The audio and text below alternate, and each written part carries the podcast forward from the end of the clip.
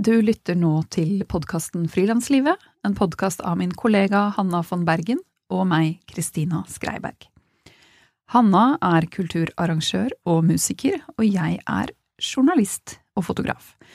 Og begge jobber vi med mange forskjellige egeninitierte prosjekter, og vi syns det er utrolig viktig å kunne ha en åpen samtale om hva det innebærer å drive for seg selv, og om det å skape og all den kraften som ligger bak.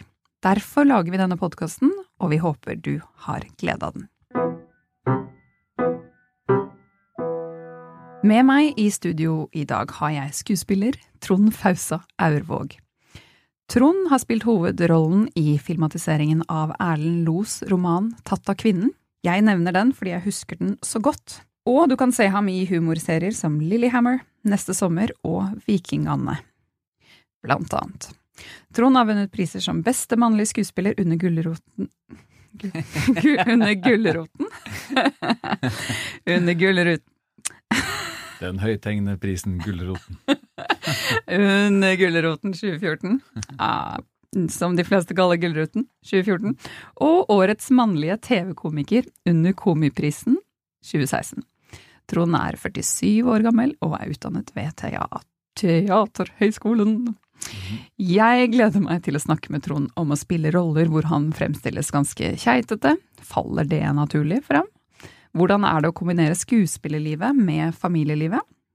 Han har tross alt tre barn, og jeg gleder meg til å høre hvordan det var å spille inn scener på norsk og engelsk parallelt da de spilte inn den engelske versjonen av Vikingane Vikingananny, nanner, som du finner på Netflix med tittelen Norseman. Hei, Trond. Hei. Veldig hyggelig å ha deg her.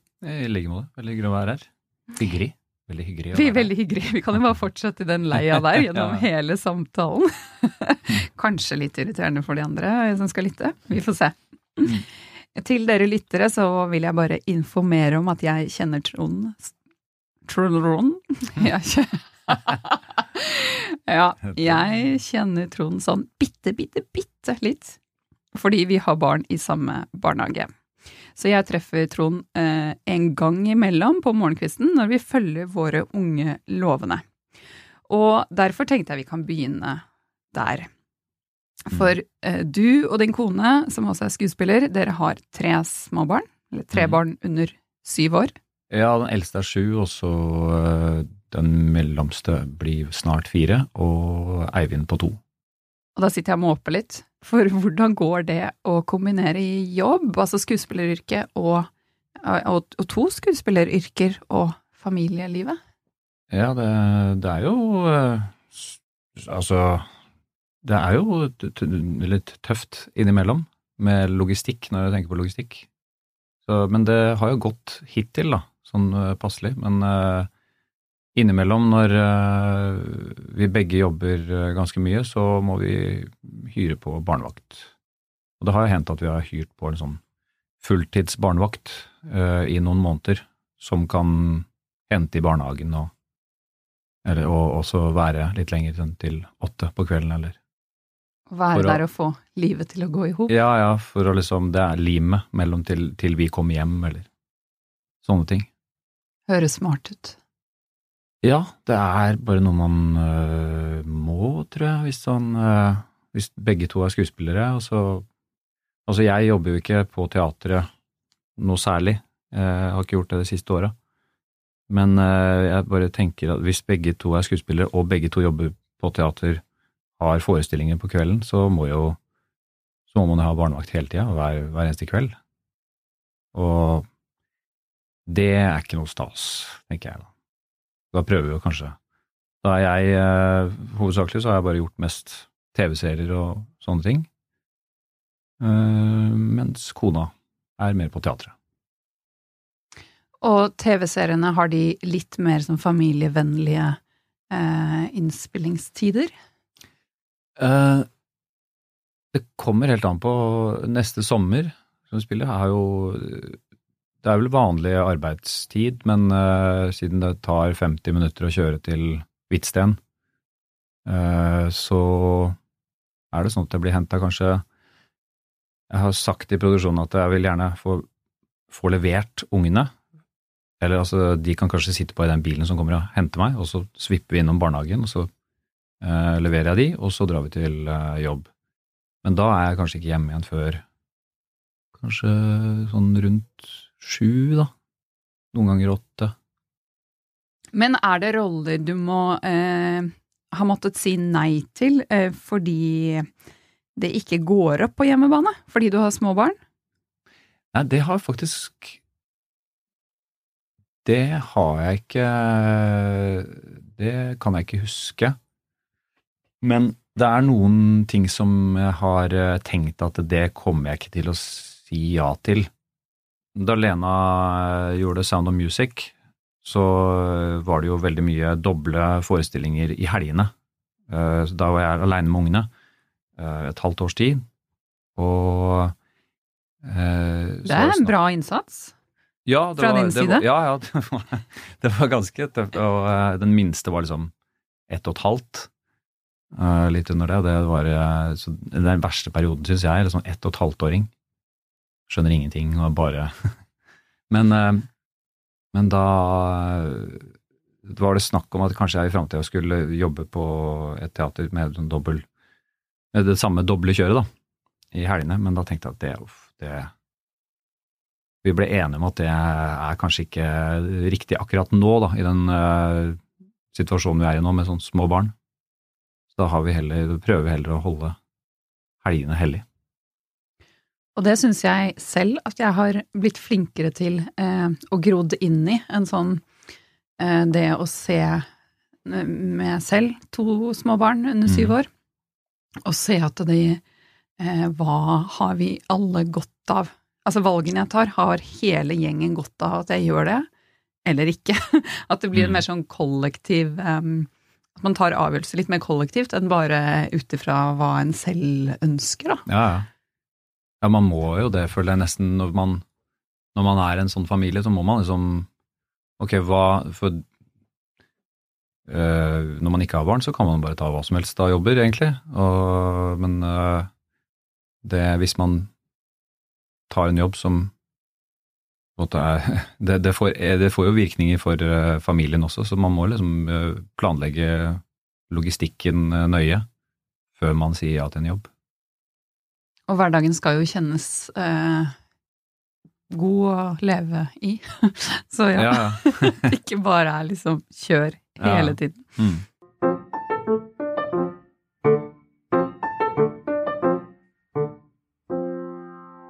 Når skjønte du at eh, det var skuespiller du skulle bli? Det var vel ganske seint, tror jeg. Jeg eh, var med Eller jeg, hadde, jeg tok pianotimer en god del år, og fram til jeg var 16. Og da jeg var 16, så fikk eh, pianolæreren min ble spurt en, av, av en av sine elever eh, om eh, hun hadde noen eh, gutter eh, som kunne tenke seg å være med på West Side Story på Triaden kjøpesenter, eh, eller kulturhus, i 1989, tror jeg. For at de trengte mannlige skuespillere til en sånn amatøroppsetning av West Side Story. Og så blei jeg med på det, og syns, husker at det var kjempegøy. Og, og så husker jeg at lokalavisa trakk meg fram eh, i anmeldelsen. Og det var eh, for meg helt mind-blowing. Eller det var veldig stas, synes jeg å huske. Eh, og så tenkte jeg mer og mer på det, om eh, Men, men jeg, jeg tenkte ikke seriøst på at man kunne gjøre dette eh, som en jobb, men mer å ha det som en hobby. Og på videregående så var jeg med på en revy, det var veldig gøy, eh, og så husker jeg så søknadspapirer til Teaterhøgskolen og sånne ting, og da var alt veldig Ibsen og Shakespeare og sånne ting, jeg hadde ikke peiling på det, Eh, så jeg tenkte at det var ikke noe for meg. Men etter videregående så fikk, kom jeg inn på Romerike folkehøgskole ett år, for å liksom, jeg skulle sånn sjekke om, om var dette noe å prøve på. Og så gikk jeg på Romerike folkehøgskole ett år, eh, som var helt kjempegøy år, fantastisk år. og så Fordi jeg ikke kom inn på kjemilinja på Ingeniørhøgskolen. Derfor søkte jeg på Romerike. Eh, og så tenkte jeg at da venter jeg, så får jeg tre alderspoeng, og så går jeg kjemilinja året etterpå. Um, og det gjorde jeg også. Jeg gikk på kjemilinja året etterpå, og sto på alle fag til eh, jul og strøyk på alt eh, på våren. For da har jeg egentlig da, Det året søkte jeg også Teaterhøgskolen for første gang og kom videre til andreprøve. Og da tenkte jeg at dette er min vei ut av kjemihelvetet. Eh, så da bare droppa jeg mer eller mindre teaterskolen, nei, kjemilinja der mm, etter et halvår. Og så kom jeg ikke inn på teaterskolen, kom bare til andreprøve. Og så begynte jeg, og, Men da var, liksom, da var det sådd, det derre teaterspirefrøet, så da eh, Da søkte jeg vel fem ganger totalt før jeg kom inn. Og innimellom de åra så var jeg med på noe eh, sånn springbrettet, husker jeg det var noe sånn kultur... Eller sånn AMO-kurs, arbeidsmarkedstiltakskurs for uh, unge folk. Så jeg fikk, istedenfor å få dagpenger, så fikk man liksom, litt sånn lønn da, for å være med på noe uh, uh, skuespillertrupp som het Avslørte bondepiker. Kjetil Indregard som hadde skrevet masse kule stykker, og jeg og Aksel Hennie var der også. Og Hedda Munte og øh, flere. Og altså, da var vi da, da også var jeg på Riksteatret og gjorde Robin Hood-forestilling eh, i 97, og så kom jeg inn på teaterskolen i 98. Men å holde motet oppe Altså, å ikke komme inn fem ganger Eller du prøvde fem ganger. Mm. Hvordan uh, Hvordan holdt du motet oppe? det var vel Jeg følte at det, jeg, jeg, følte vel at jeg hadde noe der å gjøre. Eller jeg tenkte at jeg, jeg, jeg bør Altså Jeg uh, det, Jeg hadde vel uh, at det, det var ikke noe annet som var forlokkende. Jeg husker fattern eh, bladde i Aftenposten og sa at eh, Trond, de trenger flygledere. Flygeledere. Det kom det til å bli manko på i framtida, og det var en statlig jobb, og det var sikkert og sånne ting, så det burde det bli. Men jeg, når man ikke har interessen for det, så det var liksom skuespiller jeg hadde lyst til å bli, da. Etter liksom, det var vel sånn i 20-åra så skjønte jeg vel at jeg hadde lyst til å bli det. Og den siste gangen jeg søkte, så tenkte jeg nå gjør jeg det på min måte. Jeg skal ikke prøve å være flink. Det var noen ganger jeg prøvde å liksom Nå skal jeg gjøre Grieg Nei, Griegs, ja. nå skal jeg gjøre Ibsen eller, eller Shakespeare eller et eller annet sånt. Den siste året så gjorde jeg bare det jeg syntes var gøy. Og så kom jeg heldigvis inn, da. For da tenkte jeg at dette er siste året. Ellers da, da prøver jeg å komme meg fram uten teaterskolen. Og så husker jeg det var også tredjeprøve. Det er, et, ut, det er tre prøver. Prøve, prøve, tredje prøve. Tredje prøve var en uke. Og blant annet så er det en sånn intervju-session, sånn at uh, juryen uh, intervjuer deg. Sånn, hva, hva, liker du å gjøre, da? Uh, bortsett fra teater. Og så tenkte jeg at jeg skulle prøve å være morsom, og ikke si liksom, jeg går, liker å gå turer i skog og mark, eller sånn, ikke det svaret. Så jeg sa jeg liker å pule. men, eh, og jeg trodde, jeg liksom forventa latter, men det var jo ingen som lo. Og var, og den russiske eh, læreren eh, ble oversatt sånn svakt av sidemannen. Um, men jeg fikk ikke noe respons på det, så jeg ble begynte å kaldsvette sånn Men det har blitt en stund siden sist, og det er ikke det. Altså. så, um, men det, det kom jeg ikke inn. Eh, men jeg vet ikke om det var på grunn av det, men eh, det var vel ett eller to år etterpå jeg kom inn.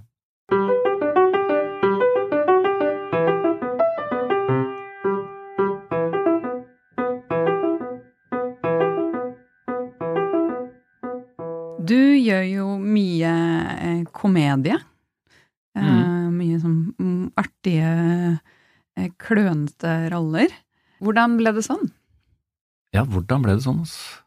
Nei, jeg, jeg veit ikke. Det var vel kanskje Jeg var vel bedre kanskje på komedie enn tragedie, eller, er.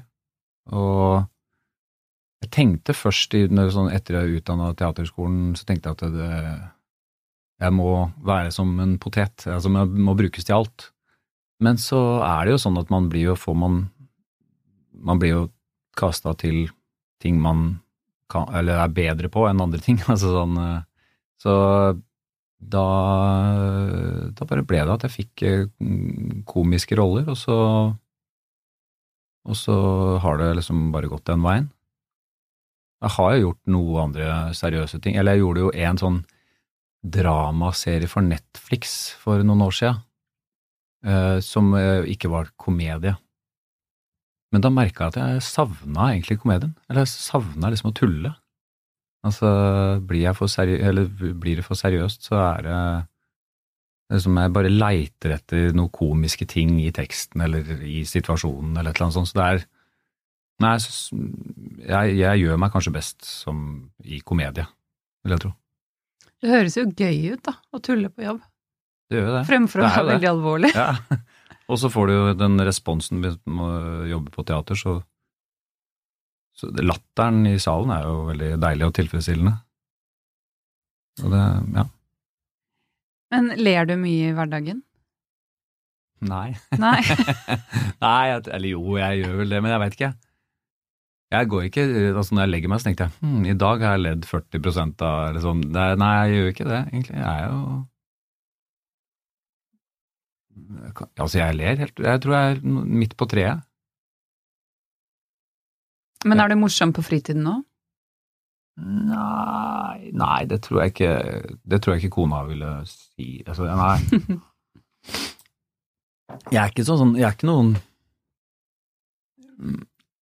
Jeg tror ikke jeg er en sånn komiker. Altså, de eh, De komikerne vi har i Norge i dag, er veldig sånn De føler altså Sånn som det, etter dette her podkastintervju De fleste komikere føler jeg er veldig sånn Skyt fra hofta, er, er liksom eh, naturlige, morsomme hele tida. Mens jeg blir mer uh, mutt og veldig selvbevisst. Så, uh, så jeg er ikke noe sånn im improkomikeraktig, eller sånn som gjør seg godt i sånne program, sånne tulleprogram på TV-en.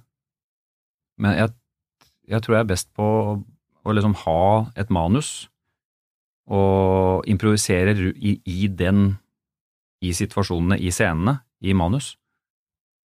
Uh, og prøve å jobbe med det, Uh, framfor heller å bare være sånn morsom på direkten. Hvis du skjønner. Jeg skjønner. Jeg sitter og nikker, og jeg tenker em, at uh, dette her Det passer veldig godt med litt mutthet og litt refleksjon inn i frilanslivet, altså. Så du er på rett arena. Ja. Så bra. Det er ikke så mye sånn pow-pow fra hofta. Nei, nei. Nei. Opplever du at folk antar at du er veldig sånn lik de eh, rollene du har?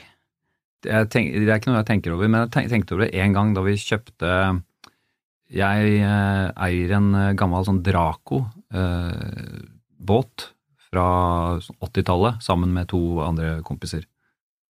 Eh, og den eh, fikk vi motorstopp på, midt ute i Oslofjorden eh, for noen år siden. Og ante ikke hvordan vi skulle få start på motoren igjen. Så da måtte vi bare opp med hendene og veive på nærmeste båt og be om hjelp. Og så han som kom, taua oss inn. Jeg, og da jeg spurte om liksom, skal jeg hjelpe til med noe, så var det sånn nei, du bare blir sittende, du, gjør ingenting, du skal bare bli sittende der. Så, og da fikk jeg jo den derre at han så jo at det, det var ikke Det var Per Ivar som satt i den båten, og han gjør masse dumt. Og alle, eh, les neste sommer, liksom. Og litt lik setting, sånn på vannet, i båt. Ja, ja. Så det var lett å dra slutningen. Ja. Mm. Men eh, ja, var det ikke en sånn episode hvor du hadde en skiboks på taket i fjor Mm. sommer eh, ved Dyreparken i. Kristiansand? Ja, ja. Som din kone la ut et veldig artig bilde på Instagram, så vidt jeg husker. Ja, det var eh, Nå prøver jeg å dra frem litt sånn klønete sidebrev ved Ja, deg. ja, ja. Det var, jeg hadde nettopp fått meg min første takboks. Eh, og etter fire dager så kjørte jeg den inn i eh, et sånt parkeringshus eh, i Stavern. Og hadde jo selvfølgelig glemt at jeg hadde den takboksen, og det var høyde, maks høyde 210 eller noe. Så da bare skrapa jeg opp den. Og da ble jeg også veldig flau, fordi da ble jeg veldig selvbevisst på å shit, den karakteren, eller den Per Ivar-karakteren. Åh, er, jeg, jeg må liksom ikke komme i sånne situasjoner, for da blir det sånn veldig tydelig at jeg, jeg er like klumsete som han der. Men, øhm, men jeg er jo for så vidt Eller jeg er jo veldig lik øh, Per Ivar i forhold til væremåte, vil jeg si. Mye mer lik han enn kanskje Torgeir i, i Lillehammer, som jeg spilte. Altså, det som er viktig for meg da, i neste sommer, er at den karakteren, den Per Ivar-karakteren jeg spiller, det er ikke at han kommer opp i eh, så klumsete situasjoner fordi han er klumsete. Det er mye mer relevant, tenker jeg, at eh, hvem som helst kunne komme opp i disse situasjonene. Det er bare omstendighetene som gjør at uh, det skjedde med Per Ivar, da. Så det er det jeg prøver liksom å få en inngang til, at det er troverdig at han kommer inn i en sånn, eh, sånn situasjon, ikke fordi at eh, personligheten hans er sånn.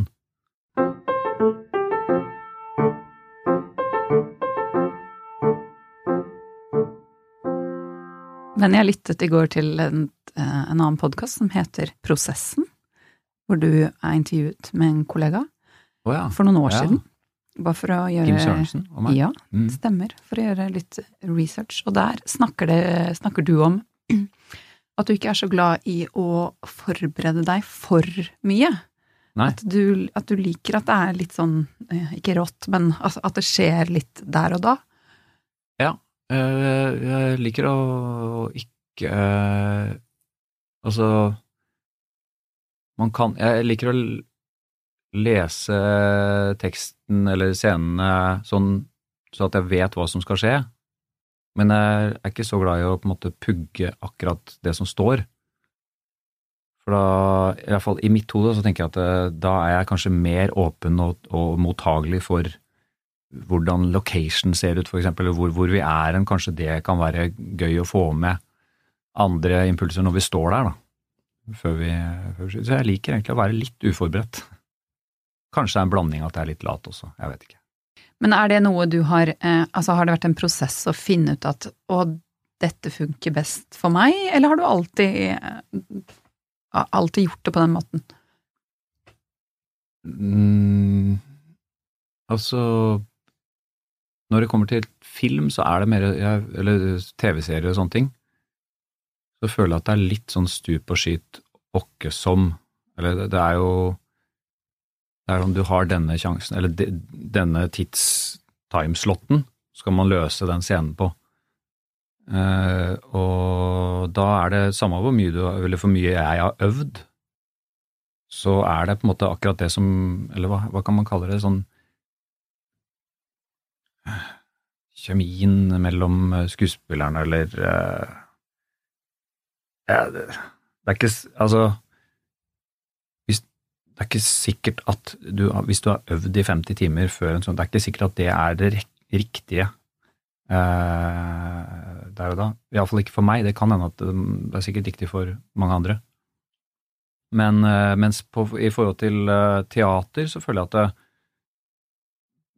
når man eh, gjør en teaterforestilling, så er det mye mer egentlig grundig arbeid. Fordi da liksom bruker man to måneder på å få inn et stykke, og så bruker man spilleperioden på å finjustere. Hvorfor, det, hvorfor lo de ikke der? Hva, som, hva, hva gjorde vi feil der? Eller hva, hva vi gjorde annerledes i går? da de lo. Og det er på en måte når man, hvis man jobber med komedie, så er det veldig sånn målbart på øh, når publikum ler og når de ikke ler. Så da kan man liksom tune, tune seg inn, og det syns jeg er veldig gøy. For da liksom sitter du og nøler på, eller sånn okay, Hvis du kan vente litt der, eller hvis du venter litt med den replikken, så kan, og så ha en pause der, eller sånn. Sånne ting. Det har man ikke tid til når man gjør TV-serier, for eksempel, eller film.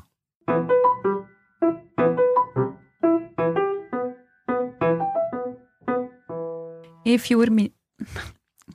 Fjor minter. Fjor minter. Fjor metoo. Altså, jeg tror kanskje jeg blir påvirket av deg. Alt, alt kommer litt sånn feil ut. eh, For det er meningen at jeg skal kløne litt. I fjor Ja, vinter. det er også en ting med, med at om man ikke kan Hvis jeg ikke kan teksten helt, så må jeg liksom tenke mens jeg snakker også. Og da er det jo gjerne Eller da føler jeg at det, det er lettere å, lettere å gå til en Eller lettere å være troverdig. Eller at naturlig, naturlig tale Naturlig tale er jo gjerne ofte veldig sånn eh, digresjon og eller veldig humpete, da.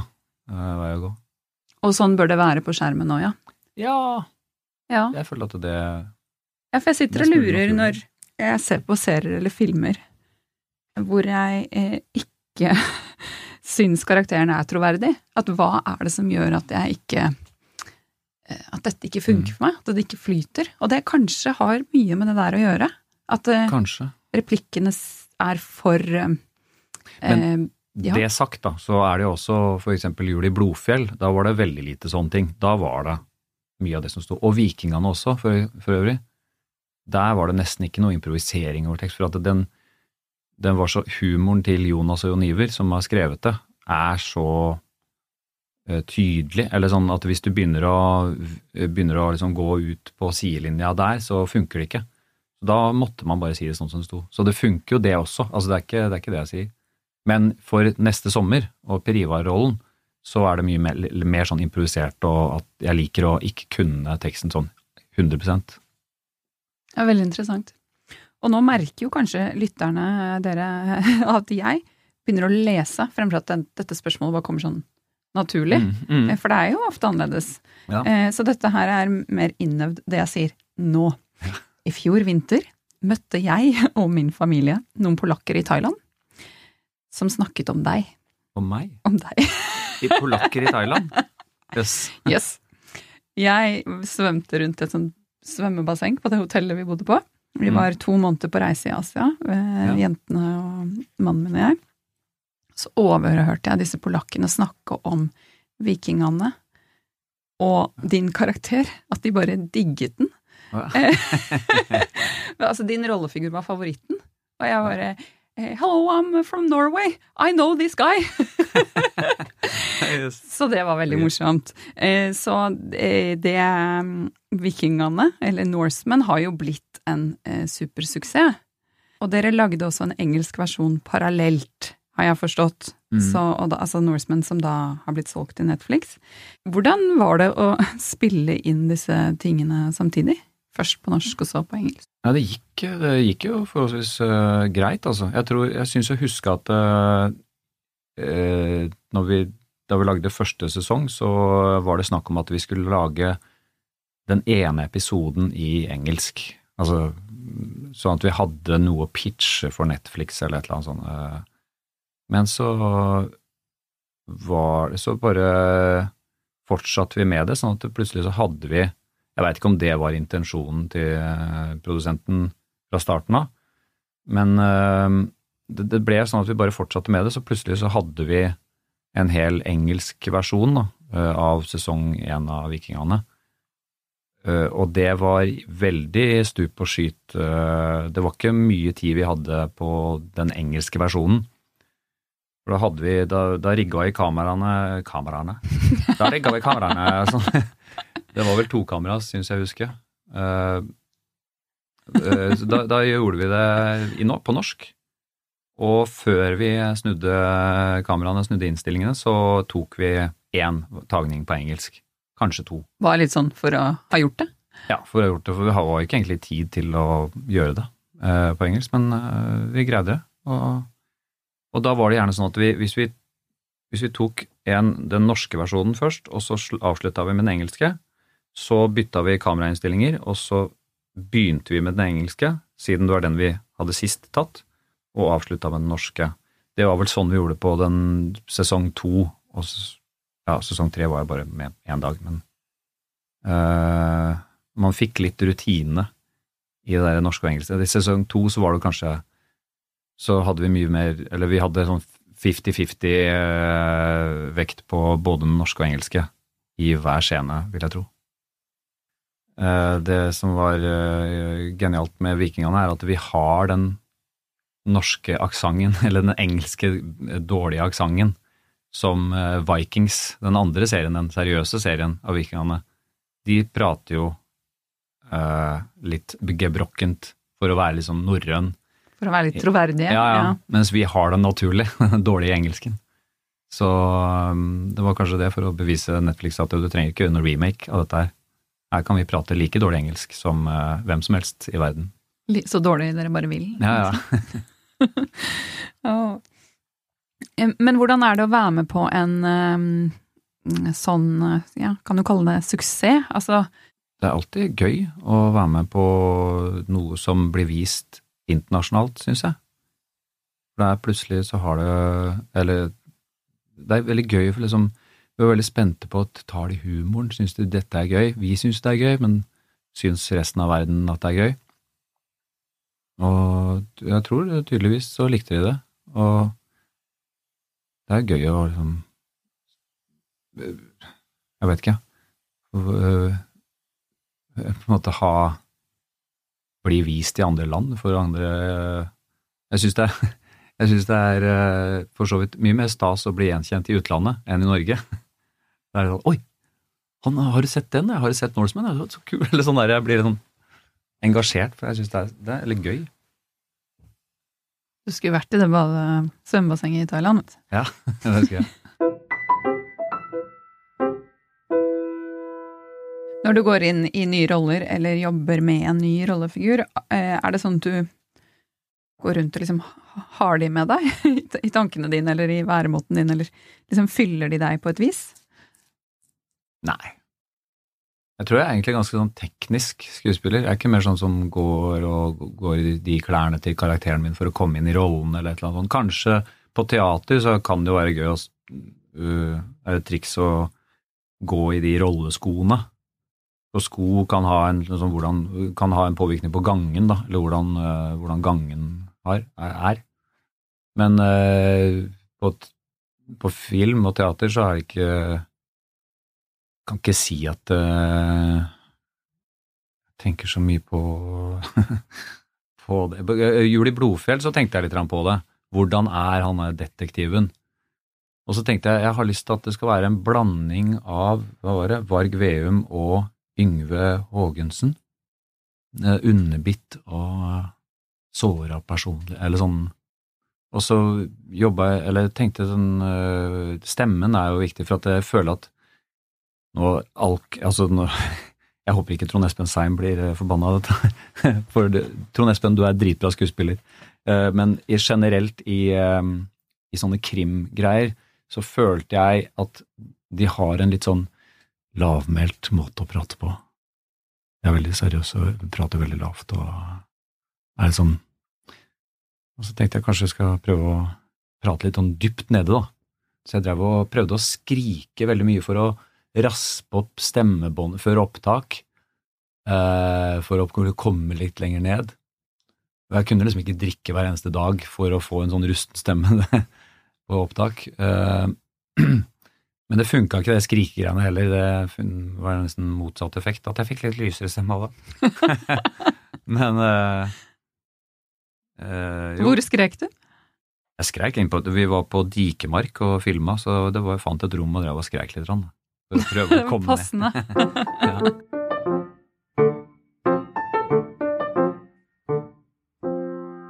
Du var ansatt ved Oslo Nye Teater i flere år. Eh, men hvorfor bestemte du deg for å bli frilanser?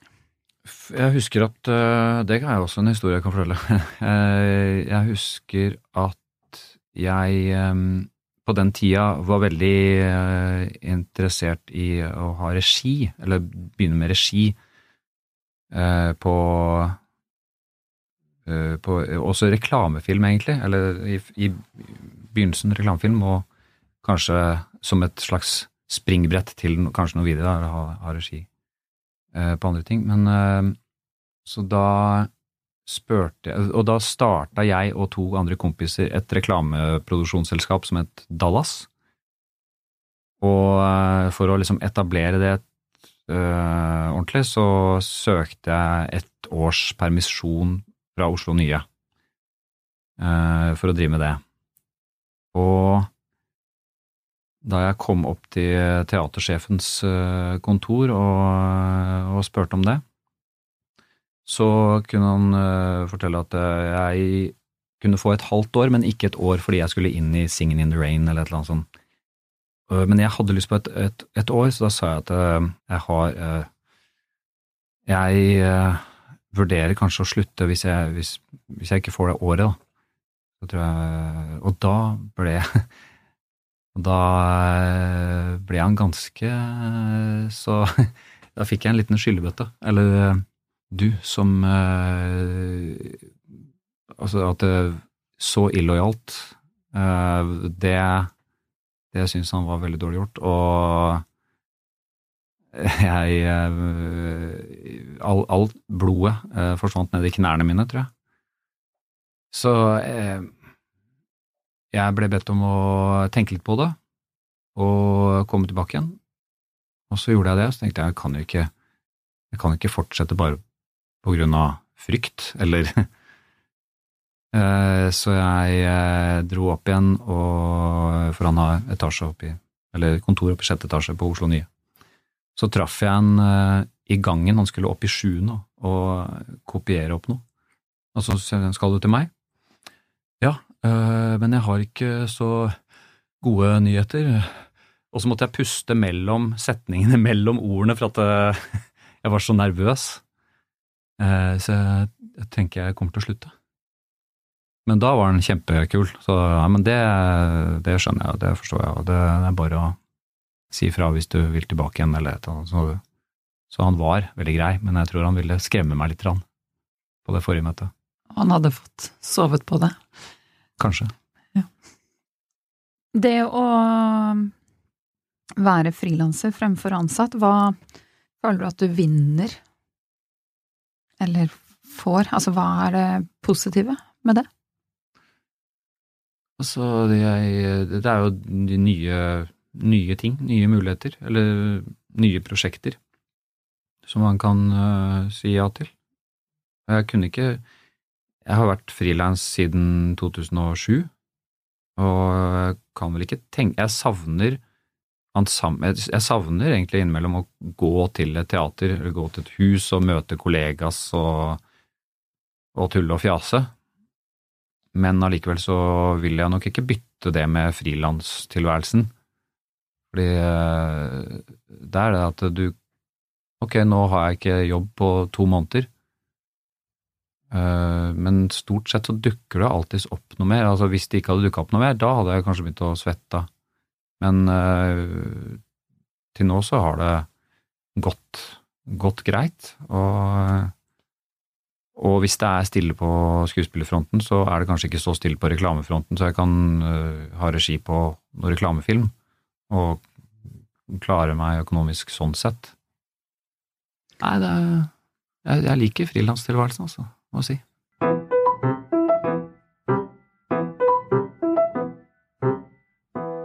Så vil jeg spørre litt om eh, økonomi, eller penger. Og dette er helt ukjent farvann for meg, men hvordan eh, er honorarene i, i, i bransjen? Altså sånn, jeg tenker teatret i forhold til film, eller film i forhold til TV. Altså, Mm. hva, hva lønner det seg å gjøre som skuespiller hvis man vil tjene penger? Hvis man vil tjene penger Um, Eller er det store forskjeller mellom for eksempel teater eller Ja, det det. serier? Absolutt. Teater er jo ikke så lukrativ hvis du har planer om å kjøpe en villa i Holmenkollen eller noe sånt, eller en villa generelt, så er ikke, så er ikke teaterlønna noe særlig å stole på. Det er vel altså kommersielle kanaler, da, som hvis, du, de trenger øh, Det er mye bedre betalt per opptaksdag på film- og TV-serier enn det er eh, en månedslønn på teatret. Men hva man skal gjøre hvis man skal tjene penger som skuespiller? Reklamefilmer, kanskje? Ja, reklamefilmer, men man kan ikke gjøre de i Man kan ikke gjøre så mange av de før ansiktet er oppbrukt til eh, GIF universal, liksom. Eller sånn Hvis du er med på en GIF universal-reklame, så kan du ikke Så blir du nok ikke kasta for å gjøre Lano, eller, eller Mm. Eh, Når du først er med på en reklame, så er det Så må det gå en stund før neste Før ansiktet ditt skal promotere noe annet, da. Men er det noe konflikt i det å være i én serie og samtidig i en annen, og kanskje samtidig i en reklamefilm? Altså, hvor, hvor bevisst bør man være på at du ikke skal bli oppbrukt? Jeg veit ikke, det Jeg husker jo på 90 at Sven Nordin gjorde en sånn Kiwi-reklame. Var det på 90-tallet, eller begynnelsen av 2000-tallet, eller sånn? Og da syns jeg, husker jeg at i bransjen så var det sånn Han driver med reklame, ja. Uff, det, det kommer til å gå utover troverdigheten hans på scenen. Sånn type. Men, øh, men den innstillingen er mer eller mindre borte i dag. Nå gjør folk reklame, og det er ikke, noe, det er ikke skadelig. Kanskje, øh, kanskje det egner deg også, eller det er bra for karrieren din. Det fins jo sikkert en gyllen middelvei. Jeg husker iallfall Jeg må prøve å gjøre den Jul i Blodfjell-karakteren så for, mest mulig forskjellig fra Per Ivar-karakteren. Så at det er noe nytt, kanskje, i en annen karakter eh, når man er på TV-en som to forskjellige karakterer. Blir du noen gang nervøs? Eller går du rundt med prestasjonsangst noen ganger? Ja, I podkastintervjuer kan jeg bli nervøs. Har du vært nervøs i en time nå, eller? Litt, eller nei, ikke, ikke så nervøs. Det er jo hyggelig, altså. Men uh, jeg blir nervøs Eller jeg syns det kan være ubehagelig å stille opp på intervjuer eller uh, andre ting som privatperson. Altså som gjest i et en annen program på TV eller et eller annet sånt, jeg tror ikke jeg egner meg så veldig bra til. For at jeg blir veldig sånn selvbevisst på hva jeg sier og hvordan jeg oppfører meg. Eh, Så ja, der, der kan jeg bli nervøs. På sånn, I sånne settinger. Men ikke som skuespiller på skjermen. Eh, Nei, ikke så veldig Nei, ikke så veldig. For der føler jeg at der kan man liksom justere ting. Hvis man er her, for eksempel, eller, eller andre ting, så er det liksom Det du sier, det blir uh, kringkasta. Eh, mens på TV-serier så kan du fintune Nei, det, jeg vil prøve noe nytt, eller prøve da, da har du muligheten til å justere deg inn på noe som du føler deg komfortabel med, da. Å gjøre. Da kan man prøve. Og det Det var eh, en svenske som sa at hun syns det er så fint at eh, vi sier i Norge en prøve. En, vi går på prøve, leseprøve, eller sånne ting. Fordi da prøver man, liksom. Det er ikke, sånn, da, da leker man seg fram til noe. Vi kan Så- kalle dette en prøve, og så Ja. kommer det ordentlig intervjuet noen uker etter igjen. Ja. Så dere som lytter til det her, Mm. det her var bare en generalprøve. Mm. Tusen, tusen takk, Trond. Det har vært kjempehyggelig. Du har klart deg veldig bra tross eh, nerver. Takk. ha det godt. Ha det bra. Vi håper vi skaper innhold av verdi for eh, dere frilansere der ute. Hvis du syns vi gjør det, eh, så blir vi veldig, veldig glade hvis du har lyst til å gå inn i iTunes og rate episoden. Kanskje skrive en liten tilbakemelding. Det gjør at eh, flere finner disse episodene, og det gjør at vi kan fortsette å skape innhold for dere.